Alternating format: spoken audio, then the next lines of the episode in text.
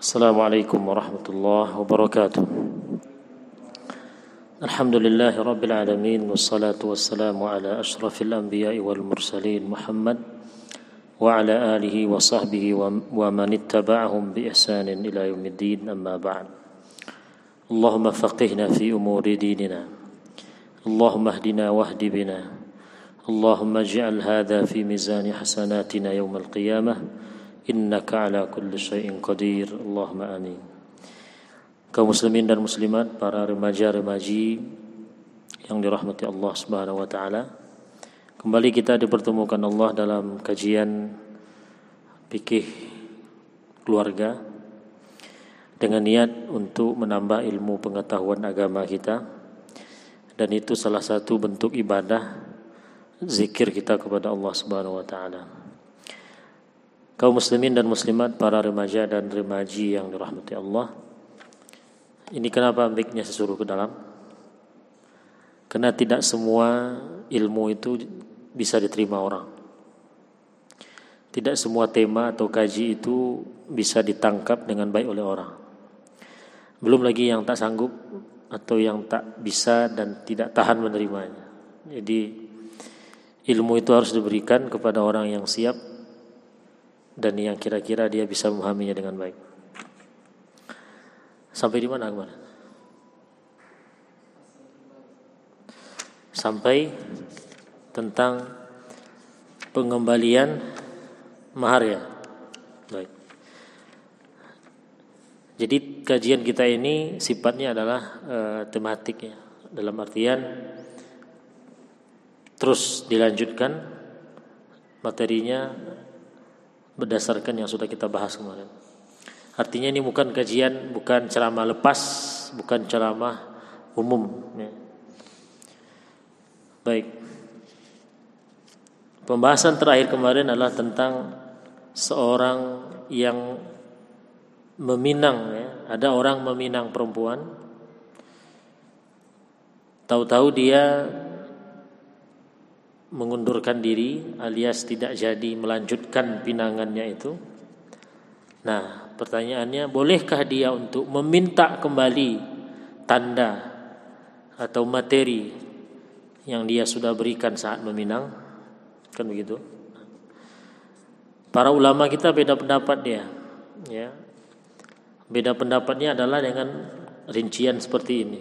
Pertama, ada mazhab ulama yang mengatakan boleh itu diambil lagi oleh orang yang meminang seorang perempuan tapi dia batalkan lagi tapi sudah beri cincin dua gram umpamanya maka itu boleh diambil lagi. Boleh diambil dan berarti tidak boleh keluarga wanita itu menolak atau tidak tidak mau. Pokoknya kasih. Itu pendapat pertama. Pendapat yang kedua itu mengatakan bahwa dibagi dua dibagi dua. Kalau itu belum selesai akad apa namanya? Kalau masih dalam tahap e, kalau belum sampai ke tahap akad. Oke. Okay? Belum akad nih, tapi dia sudah batalin tunangannya, peminangannya maka dibagi dua. Tapi kalau sudah akad, sudah akad tiba-tiba dibatalkan dalam artian cerai maka yang dia berikan tadi tidak boleh eh, apa namanya tidak dibagi dua itu sudah hak milik perempuan yang ketiga pendapatnya melihat siapa duluan, siapa yang duluan. Kalau yang duluan itu adalah siapa yang membatalkan. Kalau yang membatalkan pertunangan itu pihak laki-laki, maka dia tidak boleh meminta kembali. Tapi kalau pihak perempuannya yang minta batalkan, maka laki-laki yang meminang itu boleh minta kembali lagi. Sini, duit yang saya berikan kemarin, umpamanya. Nah itu dia yang kita bahas terakhir mengenai hukum meminta kembali materi yang diberikan oleh seorang laki-laki yang meminang perempuan lalu tunangan tersebut dibatalkan di tengah jalan. Nah kemudian kita masuk pada masalah uh, intinya. Kalau tadi itu mukodimah namanya, belum pernikahan itu, maka orang yang bertunangan itu belum dikatakan menikah. Ya, jadi ingat itu. Sehingga hal-hal yang dilarang sebelum kita menikah itu tetap terlarang walaupun kita sudah bertunangan. Masih di luar. Coba dengar. Nggak, coba di luar sana. Baik, apa itu pernikahan? Definisinya apa? Biar tahu kita. Karena orang yang sudah menikah pun kalau ditanya apa itu nikah, belum belum tentu tahu deh. Apa sih pernikahan itu? Pernikahan itu e, bertemunya dua. Jadi yang harus kita pahami pertama adalah pernikahan itu apa? Pernikahan dalam perspektif agama kita adalah sebuah akad kan ada akad tuh ya yang yang diucapkan oleh seorang seorang wali perempuan kepada calon atau mempelai laki-lakinya itu tuh akad. Saya wahai si fulan saya nikahkan engkau nah nanti dijawab. Dijawab oleh yang mempelai laki-lakinya nah itu akad namanya. Jadi pernikahan itu maknanya adalah sebuah akad yang apa namanya konsekuensinya efeknya adalah bolehnya seorang laki-laki menikmati atau bersenang-senang dengan seorang perempuan dengan seorang perempuan. Apakah itu dalam bentuk e, berinteraksi fisik, berdua-duaan dan lebih daripada itu. Paham ya? Jadi pernikahan itu maknanya sebuah akad yang akad ini nanti akan membuat seorang laki-laki diizinkan untuk apa bahasa yang lebih sopan. Ya kalau menikmati ya makanan jadinya. Kalau bahasa agamanya istimta, bersenang-senang. Ya bersenang-senang dengan perempuan tersebut dengan berbagai macam bentuk uh, kesenangan yang tak mungkin saya sebutkan secara terus terang di sini. Nah itulah dia yang disebut dengan nikah itu. Itu pernikahan dalam dalam agama kita itulah definisinya. Akad yang nanti dengan akad tersebut dapatlah laki-laki itu lisensi, dia dapat SIM surat izin menikmati. Dia dapat surat izin untuk melakukan hal-hal yang sebelum dia itu melakukan akad dia tidak boleh melakukannya. Baik, apa hukum menikah dalam agama kita? Ya, disyariatkan. Jadi pernikahan dalam agama kita itu hukumnya disyariatkan, masyru'. Artinya itu menjadi sebuah syariat dalam agama kita. Ayatnya Fankihu ma tabalakum. Jadi kata-kata fankihu itu maka nikahilah olehmu kata Allah. Berarti nikah itu adalah satu syariat dalam agama kita. Maka jangan coba-coba bermain-main dengan pernikahan. Karena pernikahan ini sebuah syariat. Agama yang memposisikan pernikahan dengan baik itu hanya satu agama saja, yaitu agama Islam. Kalau sempat di agama yang lain mungkin kita para ustadznya susah ya. Karena ada agama yang pemuka agamanya nggak boleh menikah. Itu sama artinya jangan makan, jangan minum, jangan tidur, jangan istirahat. Ya. Sudah fitrah manusia membutuhkan lawan jenis. Baik. Hadis dalil yang kedua dari hadis Nabi, ya ma'syar syabab man istata'a minkumul ba'a falyatazawwaj. Wahai para pemuda, siapa yang sanggup dari kalian itu ba'ah maka hendaklah dia menikah. Jadi Nabi saja menyuruh untuk menikah. Ya Nabi saja menyuruh kita untuk menikah. Karena menikah itu adalah sebuah kebutuhan manusia. Bahkan kebutuhan binatang pun ya. ya. Baik itu mengenai definisi atau pengertian pernikahan. Jadi jangan sampai kalau ditanya apa itu pernikahan masih banyak hmm, dan akad yang akan berefek pada bolehnya seorang laki-laki melakukan hal-hal yang sifatnya bersenang-senang dengan perempuan yang dia nikahi tersebut. Hukumnya sudah boleh, dalilnya tadi dua dari Quran dan hadis. Sekarang kita lihat apa hikmah dari menikah. Ini hikmahnya ini berdasarkan penjelasan ulama ya. Kata para ulama, hikmah dari nikah itu yang pertama, i'faful insan. Membuat seseorang itu menjadi iffah, Tahu ifah? Ifah itu nama orang. Tapi dia dia punya makna, bukan nama orang ifah itu sebetulnya awalnya. Ifah itu adalah sifat seseorang atau sifat yang dimiliki oleh seseorang yang dia mampu nanti atau terjaga dari hal-hal yang bersifat uh, seksual dalam artian jauh dari perbuatan zina. Jadi kalau ada orang yang mampu menahan dirinya dari perzinahan atau yang mendekati perzinahan kayak pacaran umpamanya, maka orang itu disebut kalau laki-laki disebut afif. Kalau kalau perempuan disebut afifah.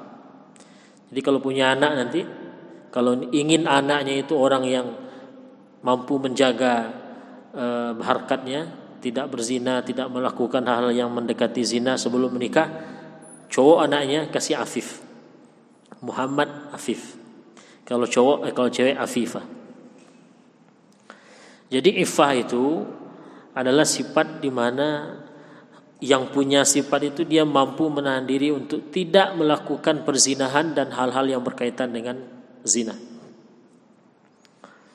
Nah, jadi dengan pernikahan maka tersalurkanlah hajat biologis kita itu. Kenapa ada orang pacaran? Kenapa ada orang berzina? Waliyadzubillah. Karena ada kebutuhan biologis dalam dirinya. Ya, karena ada kebutuhan biologis. Ini orang-orang dokter pahamlah. Ada hormonnya, hormonnya itu. Selagi dia makan, selagi dia mengkonsumsi makanan, maka nanti hormonnya, selagi hormonnya bagus normal ya, akan menghasilkan apa yang kita sebut dengan Ya, kalau bagi laki-laki mungkin namanya sperma. Mungkin mungkin memang iya kan. Nah, selagi itu masih normal sirkulasi tubuhnya masih menghasilkan itu, itu yang namanya kebutuhan kebutuhan biologis yang tadi itu pasti ada. Dan itu minta disalurkan. Nggak bisa dia dengan hilang sendiri. Tiba-tiba hilang aja, eh hilang, enggak. Dia minta disalurkan. Nah, ketika dia sudah minta disalurkan, maka dua saja.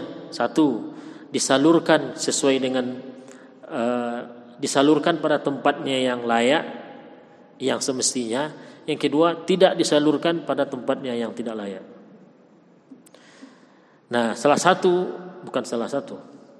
Satu-satunya cara atau tempat penyaluran itu adalah dengan menikah. Kalau tidak menikah, dipertanyakan itu ada salah seorang pernyataan sahabat yang saya tidak ingat teksnya, tapi maknanya begini. Hanya dua saja penyebab orang seorang laki-laki yang sudah dewasa tak menikah. Pertama apa? Impoten atau impoten? Ya sudah tak berfungsi ya. Yang kedua apa? Hah?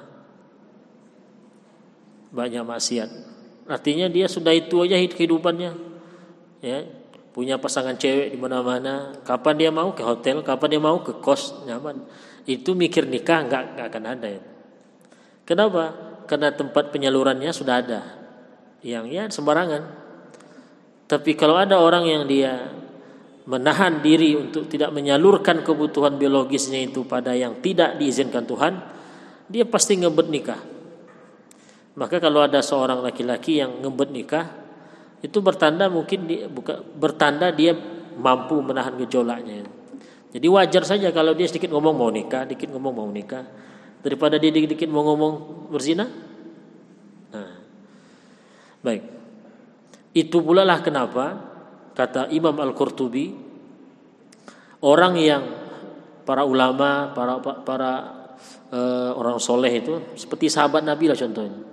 Kenapa istrinya banyak? Kenapa? Karena orang-orang yang seperti itu dia tak sama dengan kita. Dia kalau melihat wanita begini, dia menahan diri. Bukan dia tak punya nafsu, dia punya nafsu. Tahu dia mana, wanita cantik, mana wanita, tahu dia. Cuman ketika dia berhadapan dengan itu apa yang dia lakukan? Dia tahan. Sesuatu ini tahan apa yang terjadi? Meledak. Meledaknya ke mana? Ya kepada yang dihalalkan Tuhan istrinya karena nggak mampu akhirnya tambah lagi. Baik, itu penjelasan Imam Al-Qurtubi dalam tafsirnya. Kemudian wal hifadhu 'ala an-naw'il insani min zawal wal. Menjaga keberadaan manusia. Ya, jadi supaya uh, spesies manusia ini masih ada, maka nikah itu caranya. Kemudian wahifdun nasab. Nah, menjaga nasab, menjaga menjaga keturunan. Jadi kalau kita mau ada keturunan, ada punya cucu, punya anak ke bawah ya menikah. Kemudian yang terakhir membentuk cikal bakal masyarakat. Artinya apa? Masyarakat ini punya komponen terkecil apa namanya? Keluarga. Jadi masyarakat ini sebuah sistem yang komunitas yang begitu banyak, tapi dia punya unsur terkecilnya yaitu keluarga. Jadi kalau mau bikin masyarakat, ya mau tidak mau ada keluarga. Baik itu mengenai hikmahnya. Kemudian hukum menikah bagi seseorang. Jadi masing-masing kita ini yang belum menikah, ini nggak sama mungkin hukumnya. Mentang-mentang hadir dalam kajian pernikahan, wah saya tidak wajib nih, sudah sunat nih. Tunggu dulu, tunggu dulu, sabar dulu, cek yang mana nih hukumnya. Ya. Jadi hukum menikah itu nggak selamanya sunat. Ada orang ketika sudah dewasa, oh berarti tidak sunat menikah, tunggu dulu. Kenapa? Karena hukum menikah itu kadang-kadang bisa wajib bagi seseorang, bisa jadi haram, bisa jadi makruh dan seterusnya. Tergantung kondisi masing-masing. Nah, mari kita lihat. Jadi ini penting sekali, ini rem nih, rem atau mungkin motivasi bagi seorang kalau dia sudah masuk dalam usia-usia pernikahan. Kalau dia melihat kondisinya masih haram menikah, ya jangan menikah. Haram hukumnya kalau dia menikah, berdosa. Kalau dia nanti ternyata kondisinya itu sudah tergolong kondisi disunatkan menikah, tunggu apa lagi? Nah, kita lihat yang pertama. Hukum atau kapan menikah itu hukumnya wajib.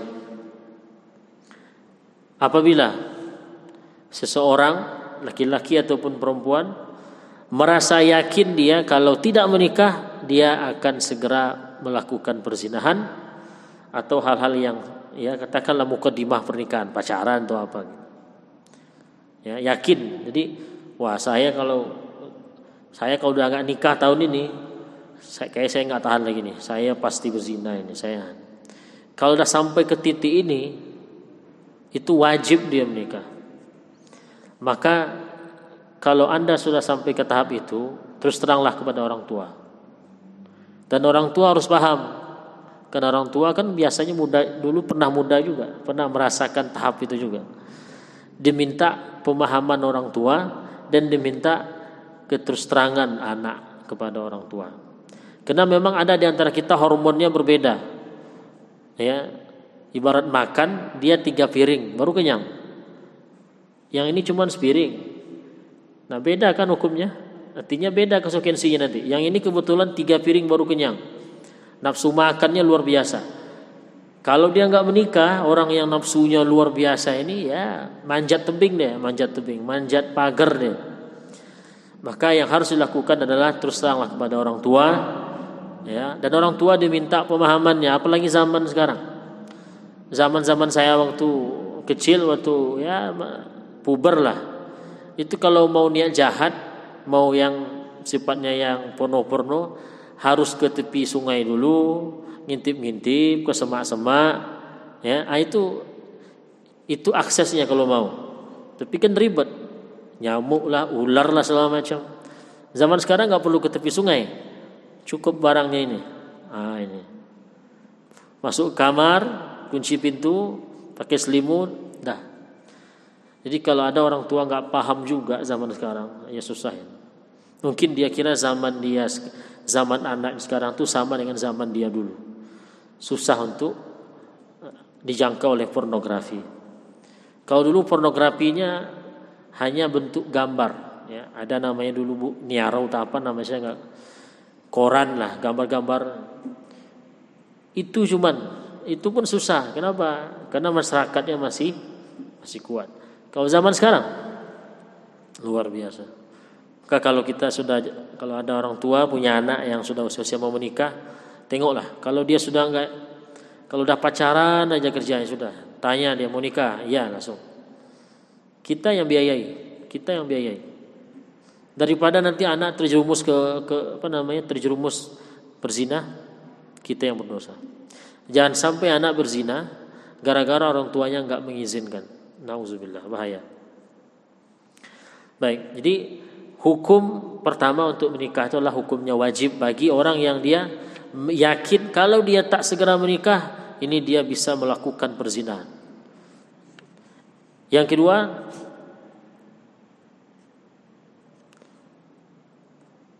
hukumnya haram. Jadi ada perzina, ada pernikahan yang hukumnya haram. Ada orang yang dia hukumnya haram menikah, nggak boleh. Kalau dia menikah berdosa. Kalau yang tadi kalau dia menikah, kalau dia tidak menikah berdosa. Sekarang kebalikannya, kalau dia menikah berdosa. Kapan? Apabila dia yakin kalau dia menikah justru dia akan menzolimi istrinya. Apa contohnya? Gak punya pekerjaan apa-apa. Atau dia orangnya jahat. Apalagi? Intinya kalau dia menikah, ini perempuan nanti terlantar, terzolimi dan lain sebagainya. Yakin dia. Nah kalau begini seorang laki-laki maka dia haram untuk menikah. Nah, yang ketiga makruh menikah. Makruh itu artinya e, sebaiknya jangan menikah dulu. Kalau menikah juga gimana? Berdosa nggak? Oh tidak. Tapi sebaiknya jangan menikah dulu. Jangan menikah sebaiknya. Kapan seseorang itu makruh menikah? Apabila dia ragu atau duga menduga kuat kalau dia menikah nanti istrinya tidak terlayani dengan baik atau mungkin terzolimi teraniaya. Bedanya dengan yang tadi, yakin dia. Saya kalau menikah sekarang kata dia, ini bisa-bisa istri saya nggak makan nih, kelaparan, saya mungkin habis saya pukul segala macam. Yakin saya umpamanya. Nah orang yang begini dia haram menikah. Kalau yang ketiga yang makruh ini adalah apabila laki-laki itu merasa, duh saya kayaknya kalau menikah ini istri saya, anak saya nanti nggak bisa saya saya ini nih, saya nggak jadi nggak bisa tanggung jawab gitu umpamanya, tak bisa memberikan nafkah. Dia menduga kuat seperti itu. Nah kalau begini makruh dia menikah, makruh. Kenapa yang tadi haram hukumnya menikah? Karena itu akan mengancam, bahkan bukan mengancam lagi. Karena itu akan menzolimi keluar istrinya dan kalau sudah punya anak juga akan menzolimi anaknya. Jadi jangan sampai gara-gara nikah justru akan menzolimi orang. Yang ketiga tadi makruh. Kenapa makruh? Karena dia menduga kuat. Nah kalau sudah menduga kuat berarti berpotensi anaknya atau istrinya nanti akan terzolimi. Nah, ada yang terakhir hukumnya adalah sunat. Nah, ini dia yang sunat. Kapan seorang itu disunatkan menikah? Dianjurkan ketika seseorang itu sudah ada gejolak birahi untuk menikah. Kemudian sudah sanggup untuk menafkahi istrinya. Kalau cukup dua ini, monggo sunat ente menikah. Ya. Nah silakan dihitung. Saya udah punya punya gejolak belum? Oh sudah. Kalau nafkah oh belum ya sudah. Nanti belum itu belum belum sunat hukum menikah. Jadi dua. Jadi penuhi dua ini. Pertama, Anda secara biologis itu sudah ada biologis untuk menikah itu. Artinya sudah punyalah itu kecuali dia mungkin penyakit bawaannya atau ada penyakit kelamin umpamanya. Yang kedua, sudah punya kemampuan untuk menafkahi materi maksud. Kalau sudah dua ini silahkan itu hukumnya sunat menikah. Nah, jadi intinya hukum menikah itu tidak satu macam. Tidak sama laki-laki ini hukum menikahnya nggak sama. Maka ketika Anda mau menikah cek dulu. Yang mana kira-kira Anda berada di lampu yang mana? Di hukum yang mana? Yang haramkah, yang makruhkah, yang wajibkah atau yang sunat? Baik. Itu mengenai hukum menikah. Ada pertanyaan? Berapa menit lagi coba?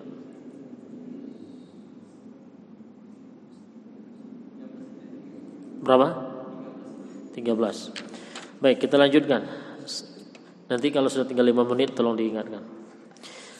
Kita masuk ke rukun nikah. Ini rukun nikah ini persoalan yang sebetulnya bukan hanya Anda yang memikirkan. Orang tua Anda dan para ulama yang memikirkan. Jadi tidak terlalu lah. Tak perlu Anda detail pengetahuannya. Kecuali Anda nanti jadi kuah, jadi penghulu ya. Itu jadi ustadz. Yang butuh yang Anda butuhkan adalah pengetahuan pranikah yang akan Anda but, yang Anda apa namanya hadapi nanti di keluarga. Jadi rukun nikah rukun nikah itu artinya hal-hal yang harus ada saat pernikahan. Saat akad pernikahan. Ijab kabulnya. Kalau itu nggak ada, nggak sah nikahnya. Kalau nikah nggak sah ya kalau dilanjutkan ya berzina nanti terjadi. Pertama harus ada apa namanya eh, wali ya. Wali dari perempuan. Kalau laki-laki nggak perlu wali. Dipertanyakan kalau ada laki-laki walinya. Kemudian yang kedua, nah itu dia mempelai laki-laki, calon suami. Yang ketiga calon istri. Yang keempat dua orang saksi. Yang kelima sirat ijab kabul. Sigat ijab kabul itu redaksi atau ijab kabul gitu aja. Serah terima antara wali perempuan dengan calon suaminya dengan mengucapkan redaksi tertentu yang kita sebut istilahnya dengan sigat ijab kabul. Nah lima ya, lima ini harus ada, tidak bisa dapat, tidak dapat tidak harus ada. Baik. Masing-masing ada syaratnya. Ya, masing-masing ada syaratnya. Saya rasa ini tak perlu mendalam lah. Yang penting itu adalah pertama eh, perempuan harus ada wali ya, itu diingat tuh. Perempuan, nih perempuan ini kalau mau nikah tak tidak boleh anda sendiri yang menikah. Saya nikahkan diri saya kepada kamu, bisa. Harus ada walinya. Nah walinya ada urutan. Ini secara umum saja ya. Wali perempuan itu pakai urutan. Nggak main sud-sud aja. Nggak bisa. Yang paling berhak jadi wali perempuan itu adalah ayah kandungnya. Ya ayah kandungnya bukan ayah tiri. Ayah kandungnya. Ayah kandungnya secara syar'i. Nah itu. Kalau disebut ayah kandung berarti ayah tiri nggak boleh jadi wali untuk anak tirinya ayah kandung syar'i syar'i oh berarti ayah kandung tapi nggak syar'i, nggak boleh. Apa tuh ayah kandung ayah kandung yang tak syar'i? Ayah biologis. Apa tuh ayah biologis? Ayah pemilik sperma yang jadi cikal bakal perempuan itu. Maksudnya Budi sama Anita main main. Sementara mereka belum akad nikah. Main. Oh, efeknya Pak, hamil nih si Anita ya janinnya perempuan ah terserahlah setelah itu apakah dia menikah setelah itu atau yang menikahi si Anita ini orang lain pokok terserahlah yang jelas pemilik apa namanya anaknya si Anita ini yang perempuan ini janin ini itu punya ayah tapi ayahnya ayah biologis coba si Budi tadi jadi anak zina itu punya ayah tapi ayah biologis Kenapa disebut ayah biologis? Ya karena di NA-nya masih sama itu. Silakan cek, diuji labor ya. Kalau memang si Budi itu yang yang punya peran, maka pasti yang jan, yang jadin perempuannya ini sama di NA-nya. Jadi kalau ada orang bilang, kok ada sih agama Islam bilang e, anak zina yang apa namanya si Budi tadi ya dalam kasus tadi, si Budi tadi bukan ayahnya. Zaman sekarang kan canggih, cek aja DNA-nya, berarti sama. Nah, jawabannya itu, Islam tidak mengatakan bahwa si Budi itu bukan ayahnya si janin perempuan ini dalam perutnya si Anita ini. Ayah juga. Namanya ayah biologis. Ayah biologis. Ayah syar'i gimana? Oh, tentu tidak. Kenapa? Karena ayah syar'i itu syaratnya ada.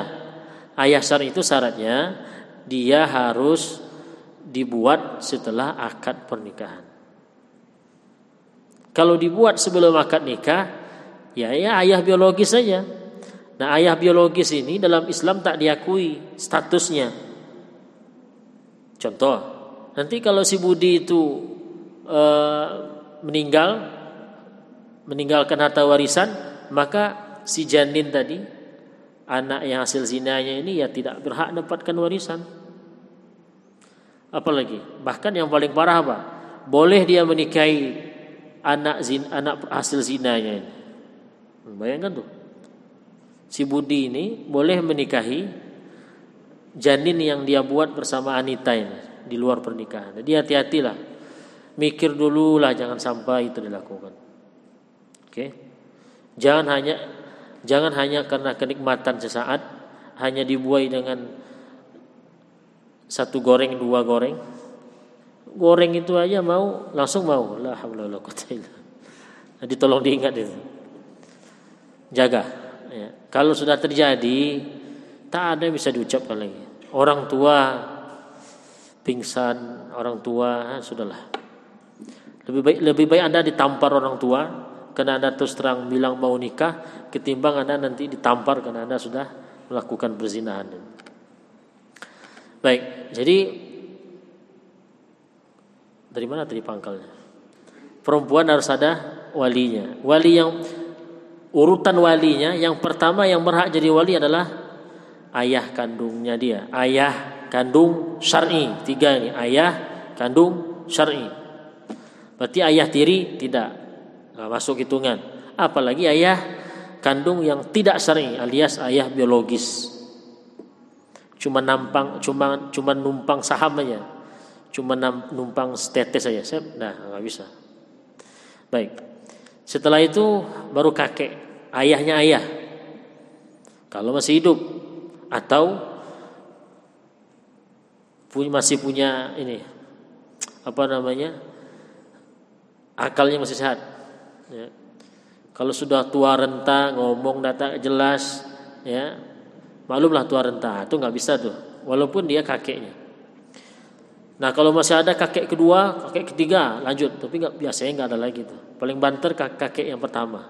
Itu pun kalau masih sehat akalnya. Yaitu urutannya. Urutannya nanti bisa anda tanyakan ke bagian e, penghulu umpamanya atau KUA. Intinya jangan sampai seorang perempuan menikah tanpa ada wali. Boleh nggak Ustadz wali saya adalah dosen saya? Enak aja. Dosen jadi wali. Gimana Pak? kakek dari sebentar ini ada perempuan terus dia punya ibu nah kakek ayah ibunya ini nggak boleh pak nah, wali itu wali itu secara umum ya artinya nggak saya sebutkan uh, satu persatu tapi intinya wali itu harus laki-laki dan itu dari jalur laki-laki saya ulangi wali per, wali pernikahan perempuan itu adalah harus laki-laki. Yang kedua dari jalur nasab laki-laki juga. Jadi gini. Perempuan namanya Anita. Anita punya ibu punya ayah. Nah, nggak main ke ibu dia, main ke ayah. Nah, ya. Ayah ayahnya si Anita ini itu punya ibu punya ayah juga. Nah, ke, ke ayah-ayahnya dia, bukan ke ibunya dia. Jadi dia jalurnya ayah, ayahnya ayah, gitu. Terus kalau enggak lagi nanti urutannya ke bawah lagi dia, ke bawah. Ke bawah itu siapa? Saudara. Saudara kandung laki-laki ya, saudara kandung laki-laki. Jadi saudara kandung perempuan nggak bisa. Baik. Sudah? Baik. Sudah habis. Tiga menit lagi. Baik, kalau ada pertanyaan, ini habis Isa sambung. Tengok kondisi. Nah, baik. Ada pertanyaan? Nah, terkait wali tadi, anak zina, siapa yang menikahinya, yang jadi walinya kalau dia perempuan? adalah penghulu KUA. Malu Ustaz. Ngapa dibuat kemarin? Kalau malu, acaranya gimana? Ah, main mata lah dengan penghulunya. Bisa itu diakali bisa. Ya, bisa. Saya berapa kali saya jadi pembicara pemateri di Kemenak eh, apa kota itu yang di rambutan itu mengisi materi tentang ini tentang pernikahan wali ini dengan para penghulu itu. Banyak penghulu itu mengeluh, Ustaz, ada nak cara cara yang lain Ustaz? Mungkin pendapat lain yang yang membolehkan Ustaz. Mana bisa saya bilang nggak ada saya bilang. Nggak boleh ayah seorang seorang laki-laki menikahkan atau jadi wali untuk anak hasil zinanya. Malu Ustaz, marah-marah dia Ustaz. Jadi ada Pak kata penghulu itu, di, mau ditinjunya saya Ustaz katanya. Yang bikin dia marah gini Ustaz, saya bilang Pak, secara hukum Bapak nggak boleh jadi wali. Hah, nggak bisa. Saya yang besarkan dia. Dia dia kuliah, saya biayai. Kamu bilang saya nggak boleh katanya. Jadi memang di masyarakat memang itulah penyakitnya. Jadi solusinya main mata dengan penghulunya. Karena ada caranya nanti. Karena begini, orang ketika tidak disebutkan bintinya, orang akan bertanya, saya nikahkan anak perempuan saya bernama ini. Nah kalau sudah disebut anak perempuan saya, tak disebutkan orang akan bertanya, ah siapa dia nih? Jadi perlu ada eh, apa namanya skenario. Contohnya diulang lagi. Jadi setelah buat setelah buat acara akad nikah depan orang yang ramai-ramai. Nah setelah usai diam-diam nih datang ke KUA, datang ke kantor, diam-diam umpamanya ulang lagi. Jadi orang nggak tahu. Itu salah satu caranya. Kalau mau juga, kalau mau juga, tapi ini nggak dipakai dalam dalam dalam hukum negara kita, hukum agama kita. Yang jadi wali, yang jadi wali uh, anak perempuan zina, hasil zina itu adalah dari ibunya, keluarga dari ibunya. Tapi ini nggak dipakai. Kalau dibuat nanti heboh masyarakat. Ya, ada mazhab yang mengatakan yang menjadi wali nikah untuk perempuan anak hasil zina yang perempuan itu adalah dari keluarga ibunya. Karena nasab perempuan karena nasab anak hasil zina itu ikut ke ibunya.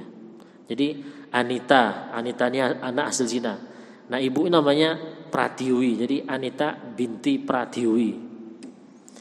Jadi anak hasil zina nasabnya ke mana? Ke ibunya, ibu biologisnya, bukan ke bapak biologisnya. Baik demikian, kalau nanti memang diputuskan ada tambahan kita buat, kalau tidak ya nggak apa-apa. Subhanakallahumma wa bihamdika asyhadu an la ilaha illa anta astaghfiruka wa atubu ilaik. Assalamualaikum warahmatullahi wabarakatuh.